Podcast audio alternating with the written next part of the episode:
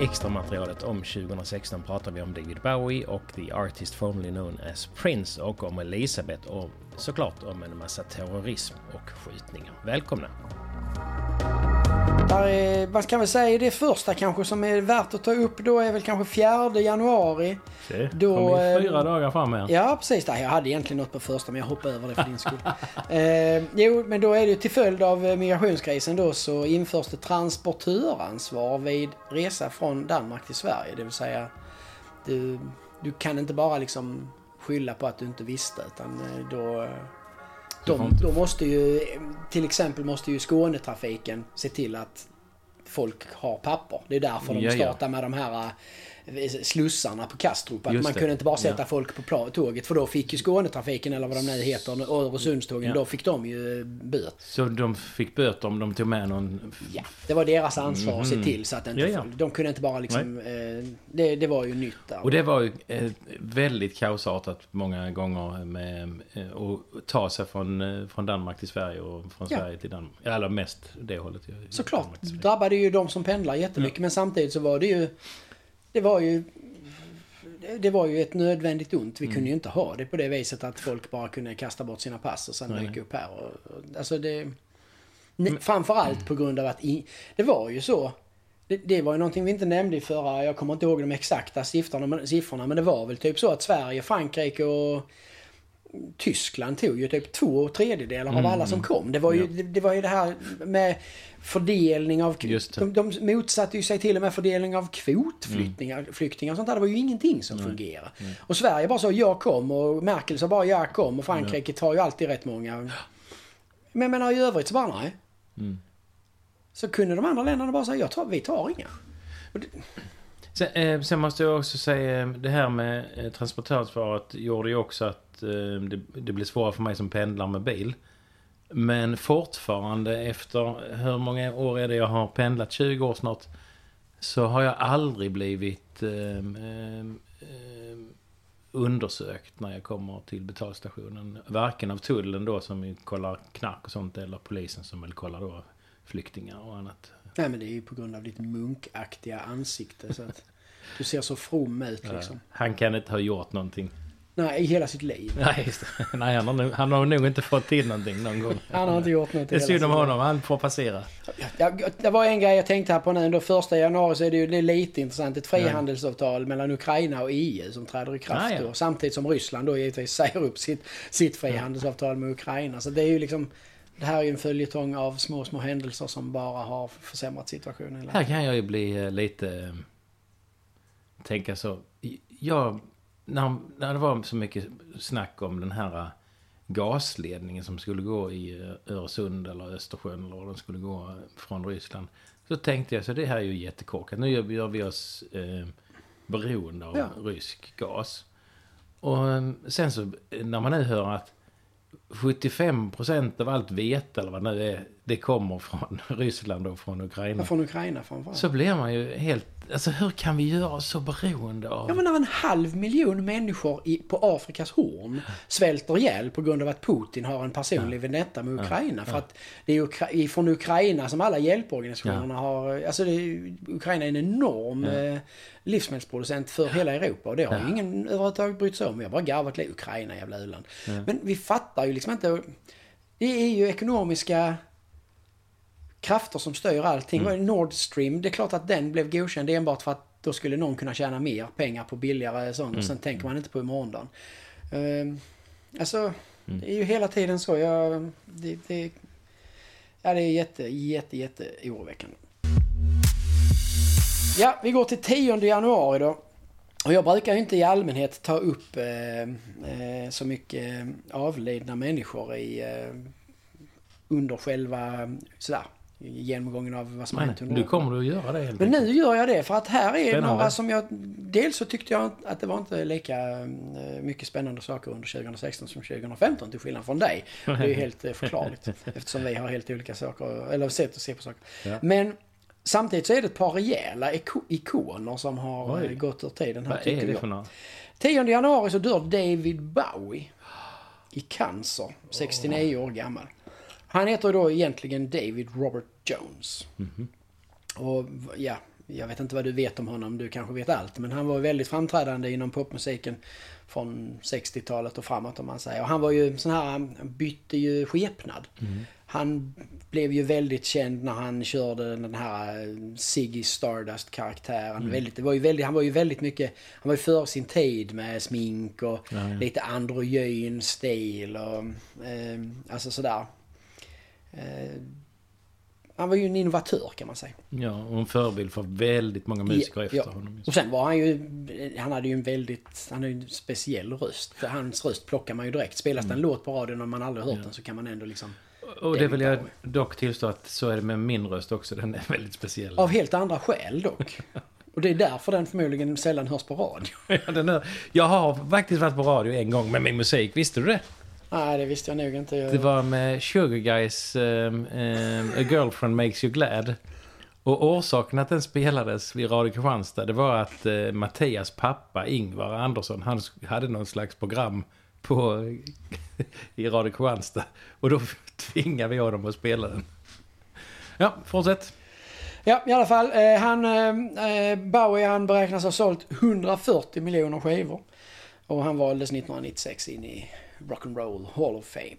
Så det är ju en stor ikon. Och som sagt, han dog ju för tidigt på grund av att han var sjuk. Och gav ut sitt sista album bara dagar efter han dog. Eller Ja, det- efter, ja. men det var i närheten av Ja, han dog. Och sen har han ju skrivit ledmotivet till eh, TV4s enorma TV-succé Let's Dance. Ja, du kan så mycket. Det var lite överkurs kanske. Men... Plus att jag tror inte att han, jag tror inte att han skrev den låten Ja. till det programmet. Men, Nej. utan han skrev en låt som hette Let's. Dance. Som de sen snodde kanske, eventuellt. Ja, ja, och nu, nu fattar jag vilken det är också. Jag, jag lyssnar inte, eller ser inte på Let's Dance. Nej, det är du helt uh, givetvis Men, eh, ursäktad för. För det är ju... Men Bowies låt känner jag till. Ja. Sen eh, här har vi en annan sån här händelse som är intressant för mig. Eh, av lite olika skäl. Den 14 januari så är det 34 stycken människor som dödas och 56 som skadas i en attack mot en, rest, mot en eh, mot restaurang Cappuccino och därefter mot ett hotell som heter Hotel Splendid i Burkina Fasos huvudstad Ouagadougou. Och enligt vittnena så riktar ju gärningsmännen in sitt våld på vita. Eh, och de tar 200 personer som gisslan och sen så blir det någon fritagning där. eh, Och där de flesta eh, fritas trots allt. 176 och gisslan klarar väl sig. Och, men 34 dör och av, av dem så är 19 vita och 14 afrikaner och 4 är då terrorister. Och det är Al-Qaida som tar på sig dådet. Men det som gör det intressant är att detta är ju väldigt aktuellt när jag är i Mali. Ja. Och grejen är att de scout, det här cappuccino-caféet där, det är jättepopulärt. Där är det fullt med vita alltid. Jättemånga. Och då är det så, då skickar de, de här Al-Qaida skickar först dit någon sån spanare som ska kolla. Är det många nu? Ja, ja.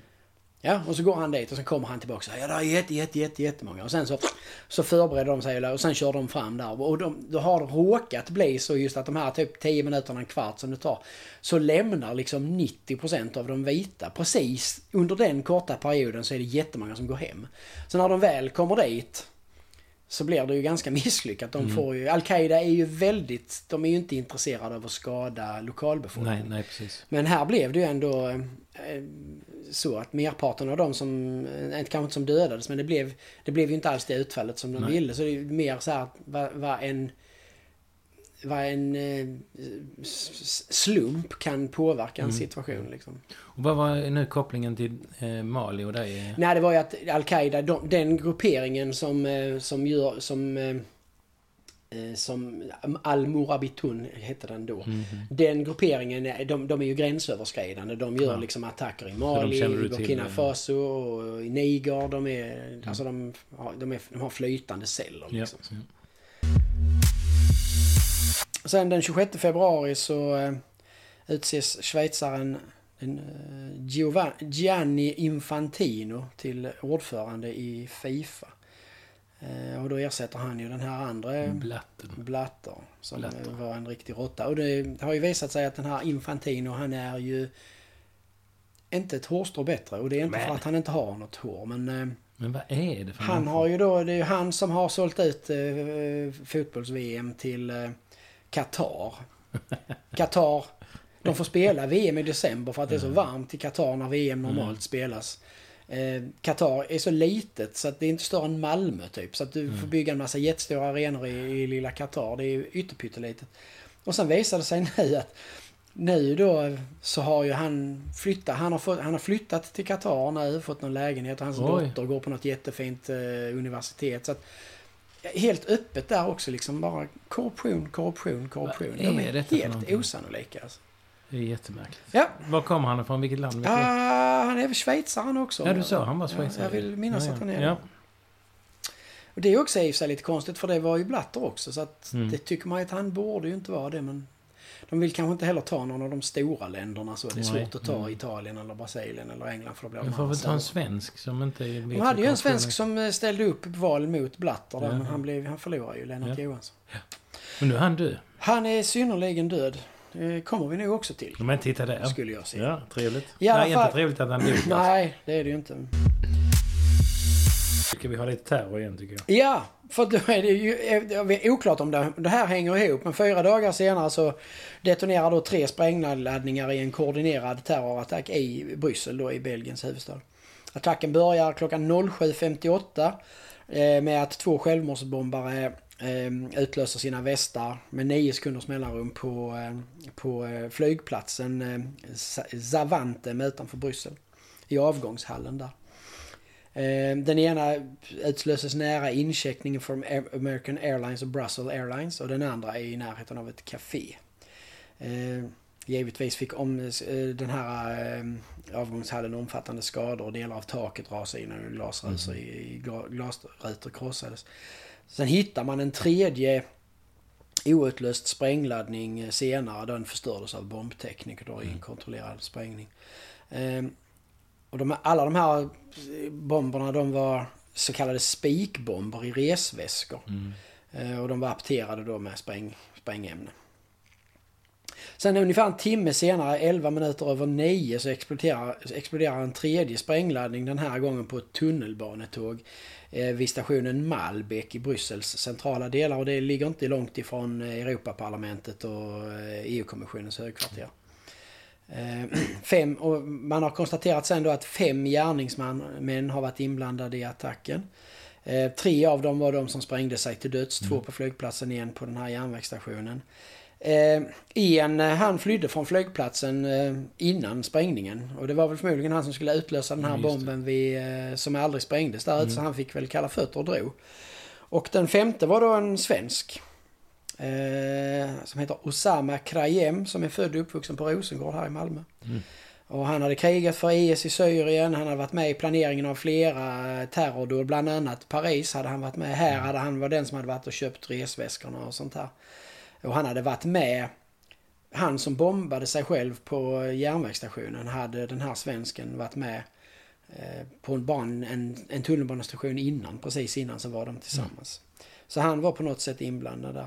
Han eh, greps sen i början av april efter att Säpo hade tipsat eh, den belgiska polisen för han hade varit i kontakt med sin bror i Malmö. Och då hade man lyckats ringa in honom var han var så då greps han. Sen har vi en annan grej här som jag tycker kan förtjänas att nämnas för det är en sån här konflikt som bara finns och pågår som inte så många tänker på. Eh, 12 personer dödas den 2 april då när armeniska och, eh, trupper och eh, alltså armeniska soldater och trupper från Azerbajdzjan som jag inte kan stava till Mm. drabbar samman i den här regionen som kallas för Nagorno-Karabach. Eh, och sen dagen efter så proklamerar Azerbajdzjan eldupphör medan Armenien tycker att nej, nej, nej, det är ju fortsatt krig. Mhm. Eh, och här, detta är ju någonting här, detta, vi skulle kunna ta upp detta många gånger som helst för där är, konst, ja, där är kontinuerligt eh, eh, eh, liksom Orolighet. oroligheter och eh, vapenskrammel och även eh, alltså krigshandlingar mellan de här Mm. två. Och Nagorno, Nagorno, Nagorno-Karabach är då en före detta autonom region i Azerbajdzjan med armenisk majoritetsbefolkning. Mhm. gammal klassiker i Sovjet. Eh, gamla Sovjetstater. Eh, och den, då har den regionen då, den har, själv, den har, nämnt, den har utnämnt sig själv då, till, till en eh, självständig republik som kallas för republiken Arta, Artsach. Men den är ju då inte internationellt erkänd. Eh, den betraktas de jure som en del av eh, Azerbajdzjan då. Mhm. Eh, och den här armenisk-azeriska konflikten eh, om, om herraväldet över det här området, den har egentligen den, den utbröt egentligen när de här två staterna blev sj- självständiga från Tsarryssland 1918. Eh, och då började de kriga över det här. Men sen kom ju Sovjet och då krigade man inte över någonting. Utan Nej, då nej. var man ju helt... Så då var den ju, kan man ju säga att den var vilande. Men sen precis mot slutet när Sovjet började falla samman, slutet på 80-talet och efter att muren hade fallit. Så blossade ju de här eh, stridigheterna upp igen. Ja. Och eh, där är jättemycket etniska spänningar och de har eldats på av, som, som sagt, återkommande krigshandlingar av ömsesidiga pogromer där de har eh, eh, ja, gett, dödat varandra utifrån eh, etnicitet. Mm. Och det finns liksom ingen politisk lösning. Väst, eller världen i övrigt har ju försökt att medla lite Mm. och, eh, och det har varit gjorts påtryckningar från det internationella samfundet och sånt men ingenting verkar fungera. Och det är förmodligen så att även här så, så finns ju den ryska regimen med och för Ja. ett litet Ja, proxykrig här för att det ska vara lite stökigt i den regionen. Ja. Sen eh, den 18 april så avgår Sveriges bostadsminister Mehmet Kaplan och detta är ju så jobbigt pinsamt. Eftersom det framkommit då att han har firat Ramadan med medlemmar från den turkiska fascistiska organisationen Grå Vargarna. Alltså det är så jävla omdömeslöst så det är knappt sant. Det finns liksom bilder på honom. Det är ju ungefär som om du skulle fira jul med Adolf Hitler. Alltså det är ju så do... Med, med vad heter han? Eh, Il Duce. Alltså det är ju så uselt så det är knappt möjligt. Alltså hur kan man ens sätta sig i den situationen att man inte har något filter någon gång som säger det här kanske jag inte borde göra. Nej, när jag är folkvald politiker. Ja, nej. Sen den 21 april har vi nästa sån här ikon som avlider. Då avlider Prince. 57 år gammal och det har inte med prins Alexander att göra. Prince, det är ju då han som kallas för the, som kallas för Prince eller kallas han för The Artist known as, formerly known as Prince eller bara The Artist. Eh, han hette då egentligen Prince Roger Rogers Nelson och hade sin storhetstid på 80-talet när vi var unga och vackra. Ja. Eh, Och han, var, han anses ju då vara en av de mest inflytelserika och intressanta artisterna från sin, sin Mm. tid. Eh, han eh, smälte liksom samman och integrerade heliga symboler med modern dans, bildspråket från MTV, Mm. eh, sexualitet.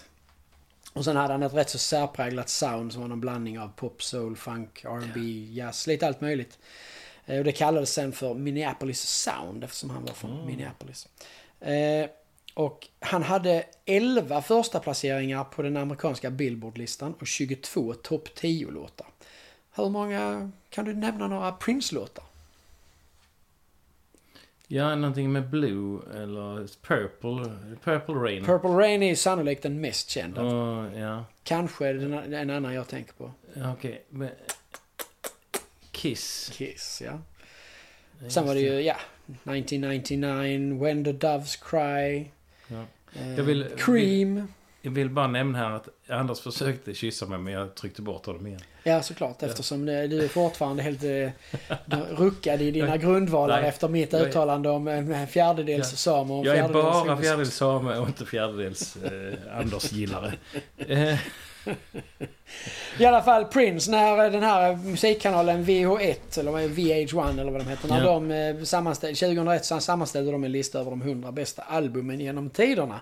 Så placerar sig Purple Rain på Mm. 18 plats, Sign of the Times på 35 plats och 1999 på 49 plats. Så Nej. tre stycken bland de 50 under ett århundrade. ja. Det får man ju säga är rätt vast faktiskt. Det är eh, kudos till Prince. ja, verkligen. Och det jag minns mest av Prince är ju inte hans musik utan orsaken till att han plötsligt hette The Artist Formerly Known as Prince. Vet du det? Nej, det kan jag inte. Jo, han hade inte rättigheterna till sitt eget namn för det hade han, hans skivbolag köpt eh, upp. Så plötsligt när de blev ovänner så kunde han inte längre heta Prince. Det är rätt bistert faktiskt. Ja. Sen var det en sak som var honom också. Han hade ju alltid platåskor. För han var ju, han var ju typ kortare än Tom. Cruise. Han var ju jätteliten. Shit. Han var, jag tror inte han var mer än typ 1,55. Alltså han var Oj, skitkort. Ja. Han hade alltid jättekorta dansar och sånt för han, han inte skulle framstå som, som en liten lilleputt. Så liksom. Ja, sen den 5 juni och det här, det, detta som jag... Det här gillar jag faktiskt med när vi gör den här podden. Ibland upptäcker man saker som man verkligen inte vet någonting om. Och då Ja. pratar jag inte bara om bågsekunder för det är av förklarliga Men- skäl som inte man Ja. vet det liksom. Men här är det någonting som du tycker var spännande Ja, det här är spännande. För den 5 juni Ja. så helgonförklaras då den svenska Birgit, Birgitinunnan Elisabeth Hesselblad av Vatikanen. Maria Elisabeth, ja. Ja. Hon är född juni, 4 juni 1870 eh, i en by som heter Fåglavik i Hudene socken, Västergötland. Mm. Och sen efter att ha vuxit upp efter, under jättefattiga förhållanden, emigrerat till USA och där jobbat som sjuksköterska, eh, så fick hon under ett besök i Rom en religiös kallelse att hon skulle återföra Birgit Birgittin, eh, vad heter det? Birgittinorden till Birgittahuset vid Piazza Farnese i Rom då. Då tillhörde Grann, hon är ju född protestant men hon, när hon var i USA så blev hon då katolik. Eh, i alla fall, det här eh, Birgittahuset då, det var ju en klassiskt gammalt eh, helgonhus eller man säger så. Det sköttes då, då mer av karmelitorden. Där hade ju funnits Birgittinorden hade ju varit där tidigare men den var inte operativ längre. Eh, Så hon inträdde i alla fall i karmelitorden 1906 och då fick hon tillåtelse att göra det, att avlägga de här ordenslöftena i Birgittinordens eh, dräkt. Och hennes vision var då att hon, även att hon skulle återinföra Birgittinorden till Sverige, för den fanns inte här då längre heller. Eh, och eh, eh, 1911 så grundade hon då eh, en liten sån här kommunitet i Casa di Santa Brigida eh, vid Plaza Farnese då. Och därför så blev då Birgit, Birgitta-systrarna en ny eh, Birgit, birgittinsk kongrega- kongregation som det heter. Eh, och den här den så kallade svenska grenen av Bir- Birgittinorden har idag över 50 kloster Oj. i olika länder. Inget man vet. Eh, eh, bland, an, och bland annat så har man det första kost, klostret på Kuba. Och där sägs då ett mirakel ha skett i den. Eh, och sen i Sverige så finns Birgittinorden representerad i Djursholm och i Falun. Eh, Den äldre grenen av Birgittinorden då, den som om man säger Birgitta eh, själv skapade, den har då kloster i Vadstena. Just Eh, Och anledningen till att hon blev helgonförklarad, om jag har förstått det rätt, det var att hon under andra världskriget eh, så arbetade hon jättehårt med att skydda eh, ju- judar.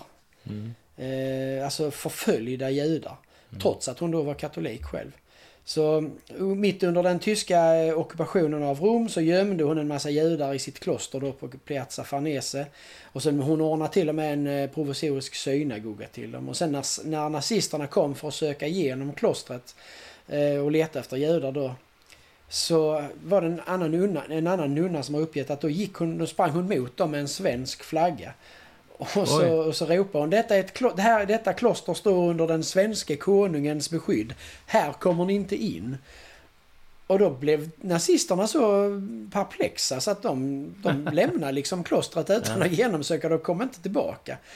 Eh, och På grund av detta så fick hon då eh, någon postum med utmärkelse eh, Rättfärdighet bland folken kallas den av den israeliska staten. Och sen hon utnämndes även också till kommendör av den svenska Nordstjärneorden. Ja. Sen dog hon i ap- 20, 24 april 1957 i det här Birgitin, Mhm. eh, eller Birgittahuset i, på Piazza Farnese i Rom. Och där, så- ja, hon ligger begravd där också.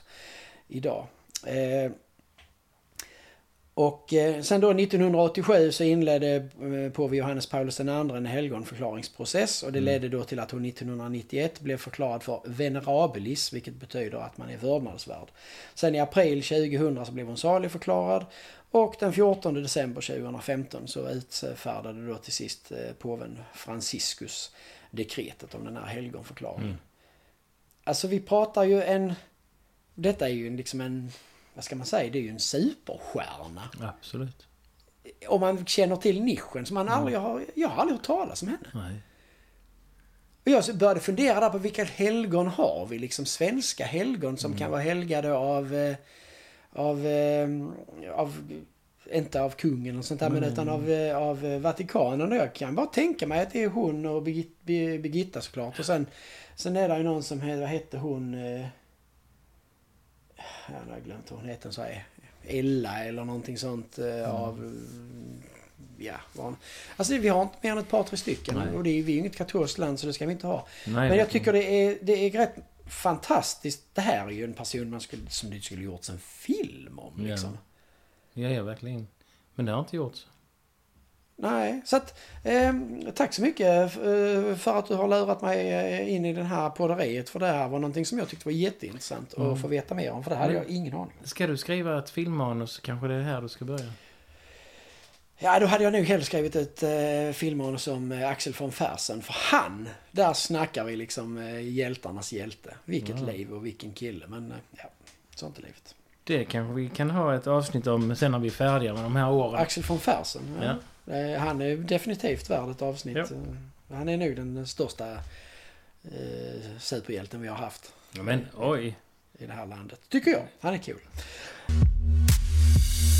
Sen eh, den 12 juni då är klockan 02.00 på natten lokal tid så inträffar det en fruktansvärd massskjutning på en gayklubb i Orlando som heter The Pulse. Eh, ungefär 320 personer befinner sig i lokalerna vid tiden för dådet. Det är 50 personer som dödas och 53 som skadas. Eh, av gärningsmannen då innan han skjuts ihjäl av polisen efter att han tar, han tar typ en massa eh, såna här gäster som gisslan Mm. inne på att toaletterna och sånt. Det är jättekonstigt. Eh, men till sist så lyckas de då skjuta honom. Mm. Han är då en 30-årig eh, eh, radikaliserad man som heter Omar Matin. Eh, som han har, ja, han har radikali, radika, radikaliserats över tid. Han har gått och köpt pistolen och det här halvautomatiska geväret som han använder. Det har han gått och köpt helt lagligt veckan Ja. innan dådet. Eh, det är IS, de tar på sig ansvaret för attacken men det verkar inte egentligen som att det finns några belägg för att de verkligen låg bakom det. Utan det här var nu mer en ensam dåre så liksom. Mm. Eh, Barack Obama han slog dock fast att eh, masskjutningen var att betrakta som en terrorhandling.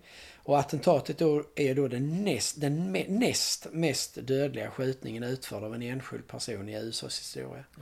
Eh, och det, det är också det allvarligaste angreppet mot hbtq-personer och det värsta terrordådet på amerikansk mark sedan 9-11. Mm. Ehm, och det är roligt för nu, alltså här, detta är 2016 och vi har ju gått igenom detta långt innan. Nu så hade man skjutningarna här, eh, här förleden och då diskuterar man just det här att man ska försöka begränsa eh, försäljning av halvautomatiska Mm. gevär. För de är ju, de ger ju en helt annan Mm. eldkraft och så men de Vapenlobbyn sätter sig emot det- och istället så ser de till att man röstar bort rätten för Eller abort. högre åldersgräns. Eller så de har en massa saker. De har verkligen, de har verkligen ingen koll. Alltså Mm. det är ju oroväckande men de Men- har verkligen ingen koll. Men hur var det nu med... Vilket eh, land var det nu som eh, låg väldigt högt med antal eh, vapen per eh, medborgare? Kommer du ihåg det? Där är två länder i norra Europa som har mest av alla som har mer än Iran. I- eller Irak, förlåt. Ja, jag, tror, vapen. jag tror Sverige ligger väldigt högt. Finland ligger strax ovanför och så Sverige därefter. Och det är alltså fler vapen per invånare än Irak.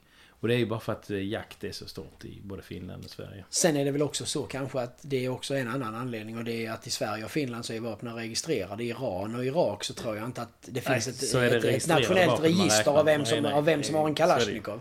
Så- Så att, Men, eh, men vi har väldigt mycket bättre ko- koll på det och man måste då... eh, eh, Ja men du och jag kan inte bara gå och köpa en, en, eh, ett halvautomatiskt Nej. gevär. Vi måste ju Och- vara med i ett skyttegille eller i en och, jaktklubb precis. eller någonting. så- Alltså det går och inte samma bara. sekund som man blir dömd för att ringa brott så tar de Ja. skitet. Vi, det, och det är, ju, det är faktiskt så i mitt, det gör vi ofta, jätteofta. Så Ja. fort det är något narkotikabrott eller någonting sånt Då så, rycker ni. så åker man och tar puffarna. Så att, ja.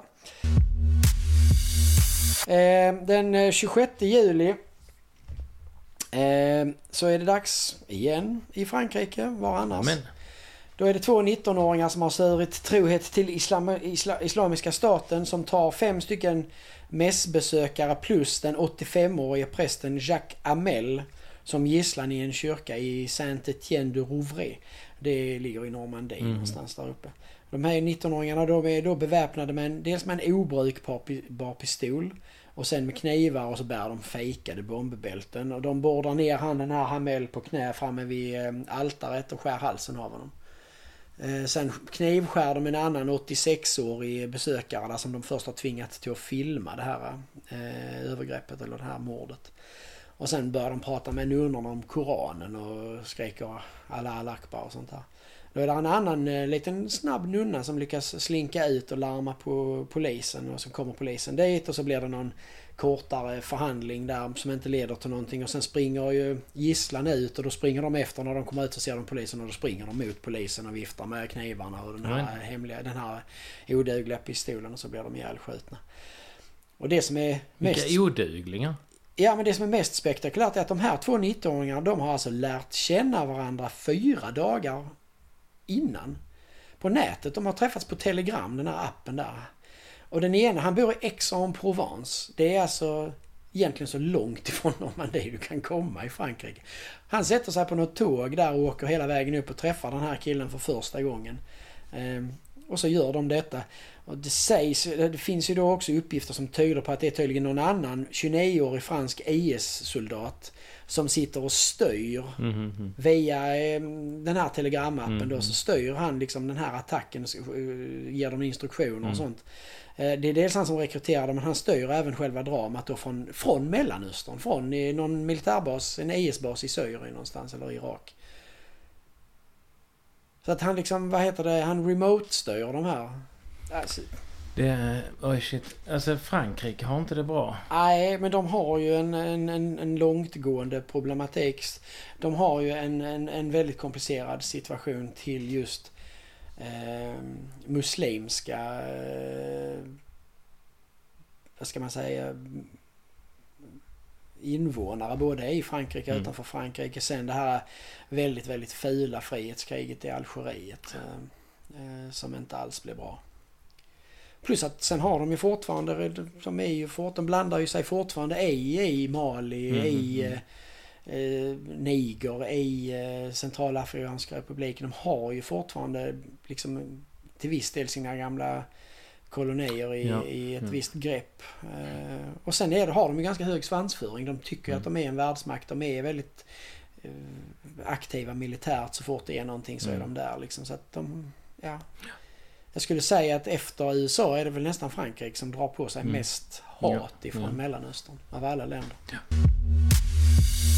Sen eh, 29 oktober. Det är också en sån här grej som man kunde tagit som ett litet varningstecken om man hade haft eh, möjlighet att se i framtiden. För då skickar Litauens eh, alltså myndigheter, staten, skickar ut en manual till sina tre miljoner medborgare om hur de ska agera i händelse av en rysk invasion.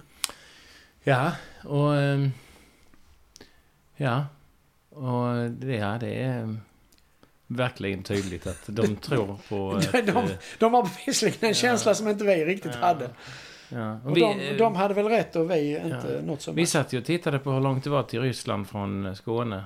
Och om man då tar eh, Kaliningrad så är det ju, det är ju längre till Stockholm.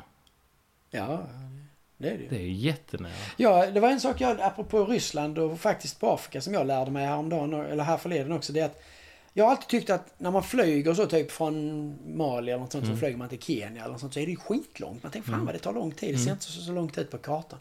Liksom, och så tänker man så här, Ryssland det är ju jättestort och där flyger man till Kina, tar inte så Mm. lång tid. Men då visade det sig att Ryssland är ju mindre, I verkligheten än vad mindre ser än vad Afrika är brett i Ja. verkligen. Ja. Det är liksom någon distorsion. När man gör kartan Ja. så ser Sovjet jätte, jätte, jättestort ut Mm. och det är jätte, jättestort. Men Afrikas, liksom den övre delen på Afrika är betydligt bredare Ja. än vad, vad, vad. Ryssland är långt. Och, det, och Grönland ser ju sketestort ut men det är inte så Nej, det är stort. inte så stort heller. Nej. Så det, det, Ja. Och jag sökte hej vilt på en karta liksom, eh, Mm. på, på nätet om det fanns någonstans där man kunde se alla länderna Ja, utplacerade i sina egna proportioner.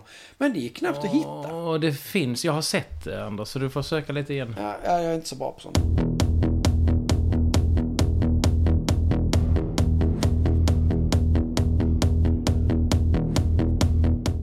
Det här var extra materialet om året 2016. Årets händelse var att Anders erkände att det är någonting han inte är bra på.